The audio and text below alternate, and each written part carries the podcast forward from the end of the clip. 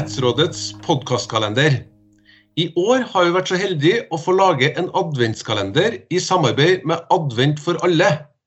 Jeg heter Anders Faanes og er daglig leder i Kodeks advokat.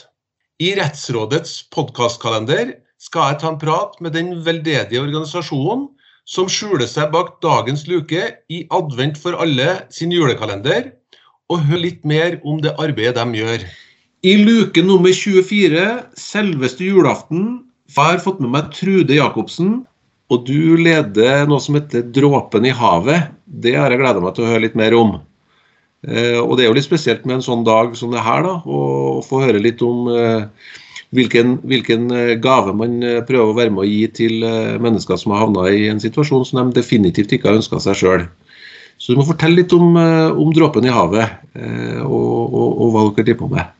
Ja, eh, jeg, må, jeg, må, si at det er en gave å få lov, å jobbe med dette her også. Så det, det, det, er veldig hyggelig å være med på en så spesiell dag som julaften. Eh, Dråpen i havet begynte jo i 2015 litt som en sånn eh, akutt initiativ for å prøve å møte flyktningstrømmen til Europa. Mm. Eh, veldig lite planlagt, alt skjedde veldig fort og adhoc og var veldig sånn, basert på de akutte behovene som fantes akkurat der og da. Mm. Siden så har Dråpen vokst til å bli en eh, organisasjon som har um, koordinert over 7000 feltarbeidere fra 70 land i mm. Fellas. Og per i dag så jobber vi på fire forskjellige steder i Hellas. Vi er på øya Lessos, øya Samos, vi er i Aten og vi er i Nord-Hellas. Der driver vi med ulike aktiviteter. Behovene er veldig forskjellige på disse stedene, så vi forsøker hele tiden å kartlegge hva er det som trengs akkurat i denne leiren. Eh, og Eh, og møter disse behovene med, med programmer som er eh, utviklet av våre feltarbeidere. Mm. Hva slags type programmer er det, da? Du, eh, per i dag så har vi ganske mye altså Akkurat nå er det koronatilstander, og det er en del begrensninger rundt det. Men, men eh, før korona så hadde vi veldig fokus på utdanningsprosjekter, altså opplæring. Det å lære seg språk. Eh, folk bor i disse leirene i veldig lang tid, i flere år ofte. Og de må på en måte forberedes for at de en dag får asyl i Hellas, som er den eneste, eneste muligheten. Og, og, da kunne møte samfunnet. Så de trenger å kunne engelsk, og de trenger å kunne gresk. De trenger å kunne håndtere datamaskiner. Eh, enkle basic ting på, på PC. Eh, så det er liksom én ting som vi har hatt fokus på. Nå er det vanskeligere å møte folk i klasserom akkurat nå, men vi har fortsatt digital undervisning. Mm. Eh, sånn som man også da hadde på skolen i Norge en periode. Ellers så har vi mye aktivitetsprogrammer. Det å aktivisere barna som ikke har noe skolegang. Eh, å kunne ha liksom noen aktiv faste aktiviteter hver dag å gå til. Eh, det kan være organisert lek. Vi har ting som går på det å sy, systuer, hvor man kan lage sine egne klær, reparere klær som er ødelagt.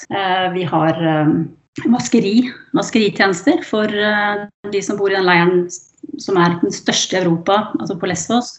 Mm. Karatepe heter det nå, tidligere Moria. Eh, og det får vasket klær, for de har ikke tilgang på varmt vann. Så der har vi igangsatt uh, vaskeri, så vi henter uh, etter avtale med de ulike områdene i leiren, så henter vi klær hver dag. Uh, og tar dette ut til lokale vaskerier, får det vasket og leverer det neste dag.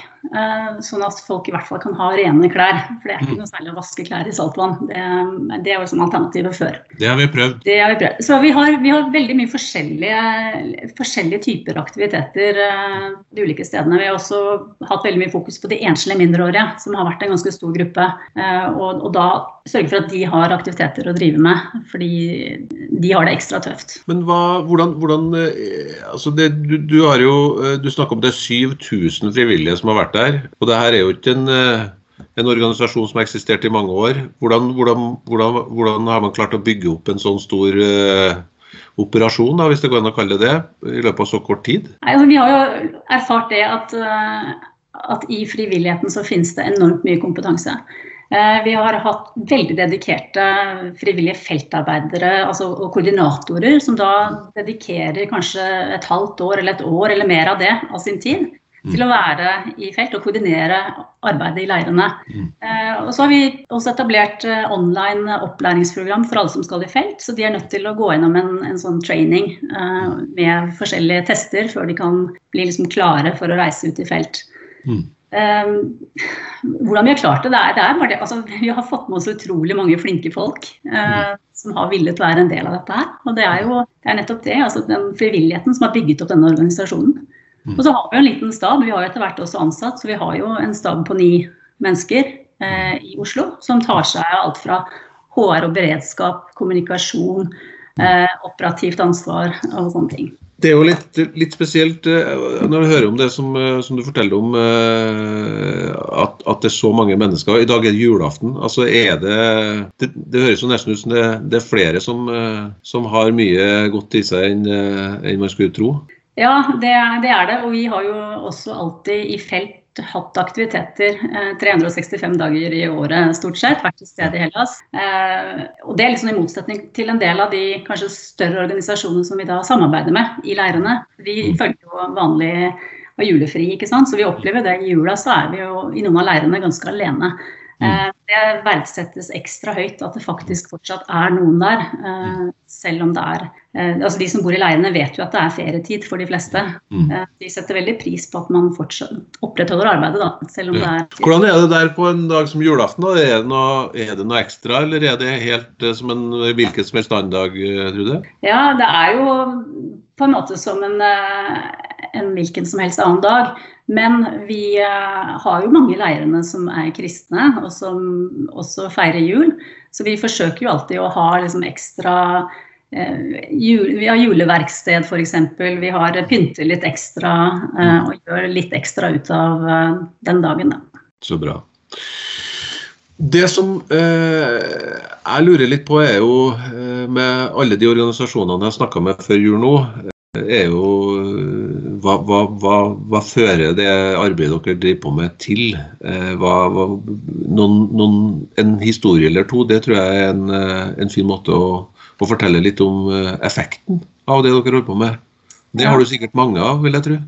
Jeg har, jeg har veldig, mange, veldig, mange, historier, og veldig mange historier som, som har gjort veldig inntrykk, og som jeg liksom aldri helt klarer å få ut av hodet.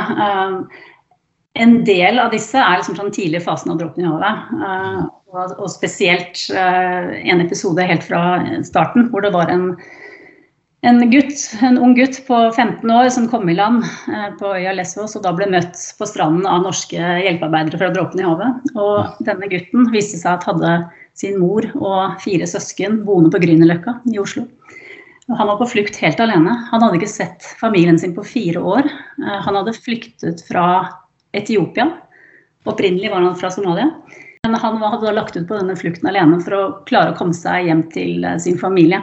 Ja. Og møter da norske hjelpearbeidere på stranden og går bort til disse og snakker eh, på norsk. Og så forteller de at mammaen min bor på Grünerløkka. Og de ble jo veldig satt ut og ringte jo til meg og spurte hvordan løser vi dette her. Eh, vi forsøkte da å koble på den norske ambassaden. Mm. Moren er norsk statsborger. Mm. Og få de til å hjelpe. Det der kom vi ingen vei, så han fortsatte flukten gjennom eh, Europa til fots. Eh, og han og moren visste ikke i utgangspunktet at han hadde lagt ut på denne flukten. Eh, og hun var jo kjempebekymret. Så vi gjorde en avtale at han skulle ringe meg en gang hver dag for å liksom oppdatere hvordan det gikk og hvor langt han hadde kommet. Og så skulle jeg ta det videre med moren. Og Så ringte han meg en dag da han kom til Serbia, og han fortalte at han nettopp hadde blitt banket opp av politiet. Det var ikke mat eller vann eller noen ting å få. Han står på fortauet. Og, og, var helt fortvilet. Og da sa jeg hvis du klarer å komme deg til Wien, så skal jeg komme og møte deg der. Ja. det var eh, ja. Eh, tre dager senere var han i Wien, og det var ikke noe annet å gjøre enn å komme seg ned og, og møte han og gi han litt støtte underveis. Eh, og så klarte han heldigvis til mor eh, på Grünerløkka. Og jeg fikk være med på den gjenforeningen da når de møttes igjen. Eh, og det, det, er jo en sånn, noe man aldri glemmer, virkelig. Ja. Og det går kjempegodt med han. Han har eh, fullført eh, skolegang og jobber og er eh, en helt fantastisk 20-åring i dag. Fantastisk. Det er jo, helt, det er jo, det er jo sånn man får litt gåsehud når man hører at man kan være med og, og bidra til, til, den typen ting òg. Ikke bare der, men å se hele ja, løpet fra å komme på land på stranda der og, og til uh, det vi tenker i hvert fall er en trygg og god uh, tilværelse i, i, Oslo. da. Ja, og det er jo, altså Disse enkelthistoriene er jo, fester seg veldig, men det er jo også veldig rørende å høre fra folk som har vært og jobbet med oss i felt, og som forteller hvordan dette har endret livet deres. Vi har fått et annet syn på, på politikk, flyktningpolitikk, også altså, hele verdensbildet. Men også et annet syn på mennesker som da må legge ut på en flukt. Mm. For disse er blitt venner. altså De har liksom bygget broer og, blitt kjent. Og da endrer jo alt seg. Da blir det ikke bare en sånn gruppe mennesker som man egentlig ikke vet noe om. Ikke sant? Det er noe man selv. Så det er også veldig rørende å se hvordan folk uh, gir tilbakemelding om at dette er eh, gir mer mening for dem, for dem, selv enn det de hadde trodd før de reiste. Så man kan gjøre noe både for de menneskene og med de menneskene som jobber med det? Gjennom å være med på, på det arbeidet som dere gjør? Ja, absolutt. Det er, uh, de gir mer tilbake enn det koster, for å si det sånn. Ja. Ja, det, det vet vel du. Du, jo, du, bruker nok eh, sannsynligvis ganske mye tid på det, vil jeg tro. Ja, det blir jo mer enn en jobb, for å si det sånn. Det blir en, eh, en del av livet. Eh, ja. Det er ikke til å legge skikk på. Nei. Men du, um, i forhold til sånn som jeg hører det, så er jo um, Det høres jo veldig sånn praktisk anlagt det dere driver på med. Altså det, det, det handler ikke om noe å lage noe, noe svære greier. Det, det, handler om rett og slett å skape en eh, litt mer levelig hverdag for dem som uh, har havna i den situasjonen her der de er, altså i de leirene i Hellas. Er det en, eh, er det en riktig observasjon ut ifra det, eller er det Ja, og der kommer jo også litt av navnet til organisasjonen. ikke sant? Dråpen i havet. Vi, det skal veldig mye mer til å endre det politiske landskapet f.eks. Selv om alle ting hjelper. Men, men vi prøver liksom med, med, små grep å gjøre hverdagen eh, lettere for menneskene i de leirene vi jobber i. Ja. Så vet vi jo at, at uh, det skal veldig mye mer til. Altså, det trengs veldig mye mer. Det trengs jo store endringer. Eh, så vi håper vi kan være med eh, og påvirke det. Men akkurat det praktiske arbeidet vi gjør, er veldig rettet mot behovene der og da, og gi innhold i hverdagen for de menneskene som da bor under de forholdene. Ja. Det virker jo i hvert fall på meg som litt sånn eh, ja, jeg tror jeg er normalt interessert i det som foregår knytta til det frivillige arbeidet som, som, skjer i Norge. og Dere har jo fått ganske mye oppmerksomhet. Dere har klart å skape en en, eh, bevissthet i, i, folket. Og når du sier at du også opplever at veldig mange av dem som er hjemme på det, forandrer seg, så er det vel det Det bør jo være gode utsikter også framover for eh, kanskje større endringer? Ja, og det er jo måten vi på en måte har blitt, eh, blitt litt kjent rundt, er jo det er word of mouth. Altså folk har uh, egne erfaringer og har delt det i sine nettverk. Vi mm. har jo ikke brukt uh, penger på markedsføring og sånne ting. Um, I hvert fall ikke før nå, helt i det siste. Mm. Men, uh, men det er liksom, ordet sprer seg. så det, det, er den viktigste måten å promotere det vi gjør, da. Ja, det er jo det beste. Det er jo en, en og sørge for at folk får, får greie på hva dere holder på med.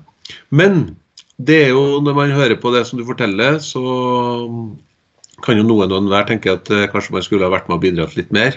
Eh, og det er kanskje spesielt på en sånn dag som dette her, man har litt, eh, ikke har så mye tid, men kanskje en litt annerledes dag. da. Julaften er jo en litt annerledes dag for de aller fleste, i hvert fall i Norge.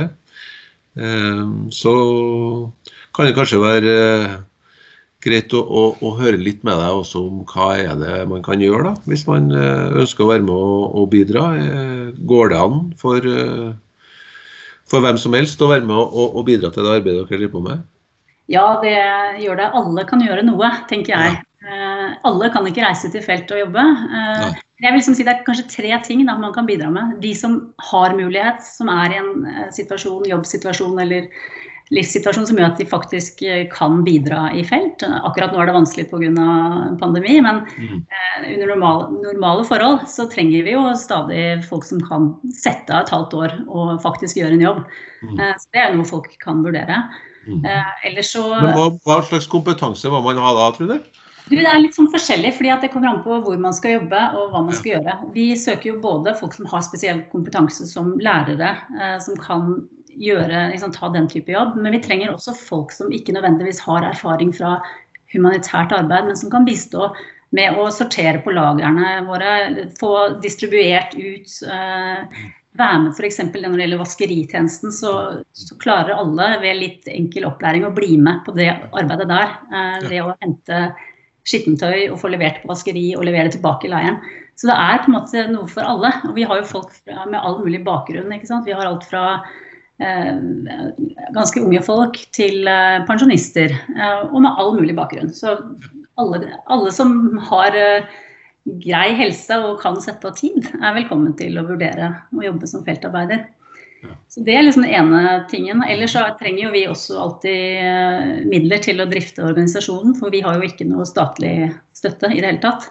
Nei. Eh, så for forutsigbarhetens skyld så er vi jo veldig glad for alle som vil gå inn og registrere seg som fastgiver og gi 200 kroner i måneden. Det mm. betyr utrolig mye eh, for at vi kan planlegge arbeidet fremover. Og det kan man det gjøre. på hjemmesida, eller? Ja, da kan man gå inn på hjemmesiden, og der er det forskjellige måter man kan registrere seg som fastgiver. Enten via SMS eller via banken. Ja, Men det var en tredje ting man kunne gjøre òg? Ja, man kan også hjelpe til med å spre eh, informasjon om situasjonen. Vi deler jo stadig ting på Facebook-siden og websiden vår. Eh, og vi setter veldig pris på alle som vil være med og hjelpe oss å spre dette her, sånn at folk får vite hvordan det faktisk er i disse leirene. Og og hva som gjøres eh, fra vår side. Da. Veldig bra. Du, da tror jeg vi skal gi oss for nå, Trude. Jeg har i hvert fall lært en god del mer om dråpen i havet, det er i hvert fall sikkert. Og så er det jo veldig spesielt med den dagen i dag.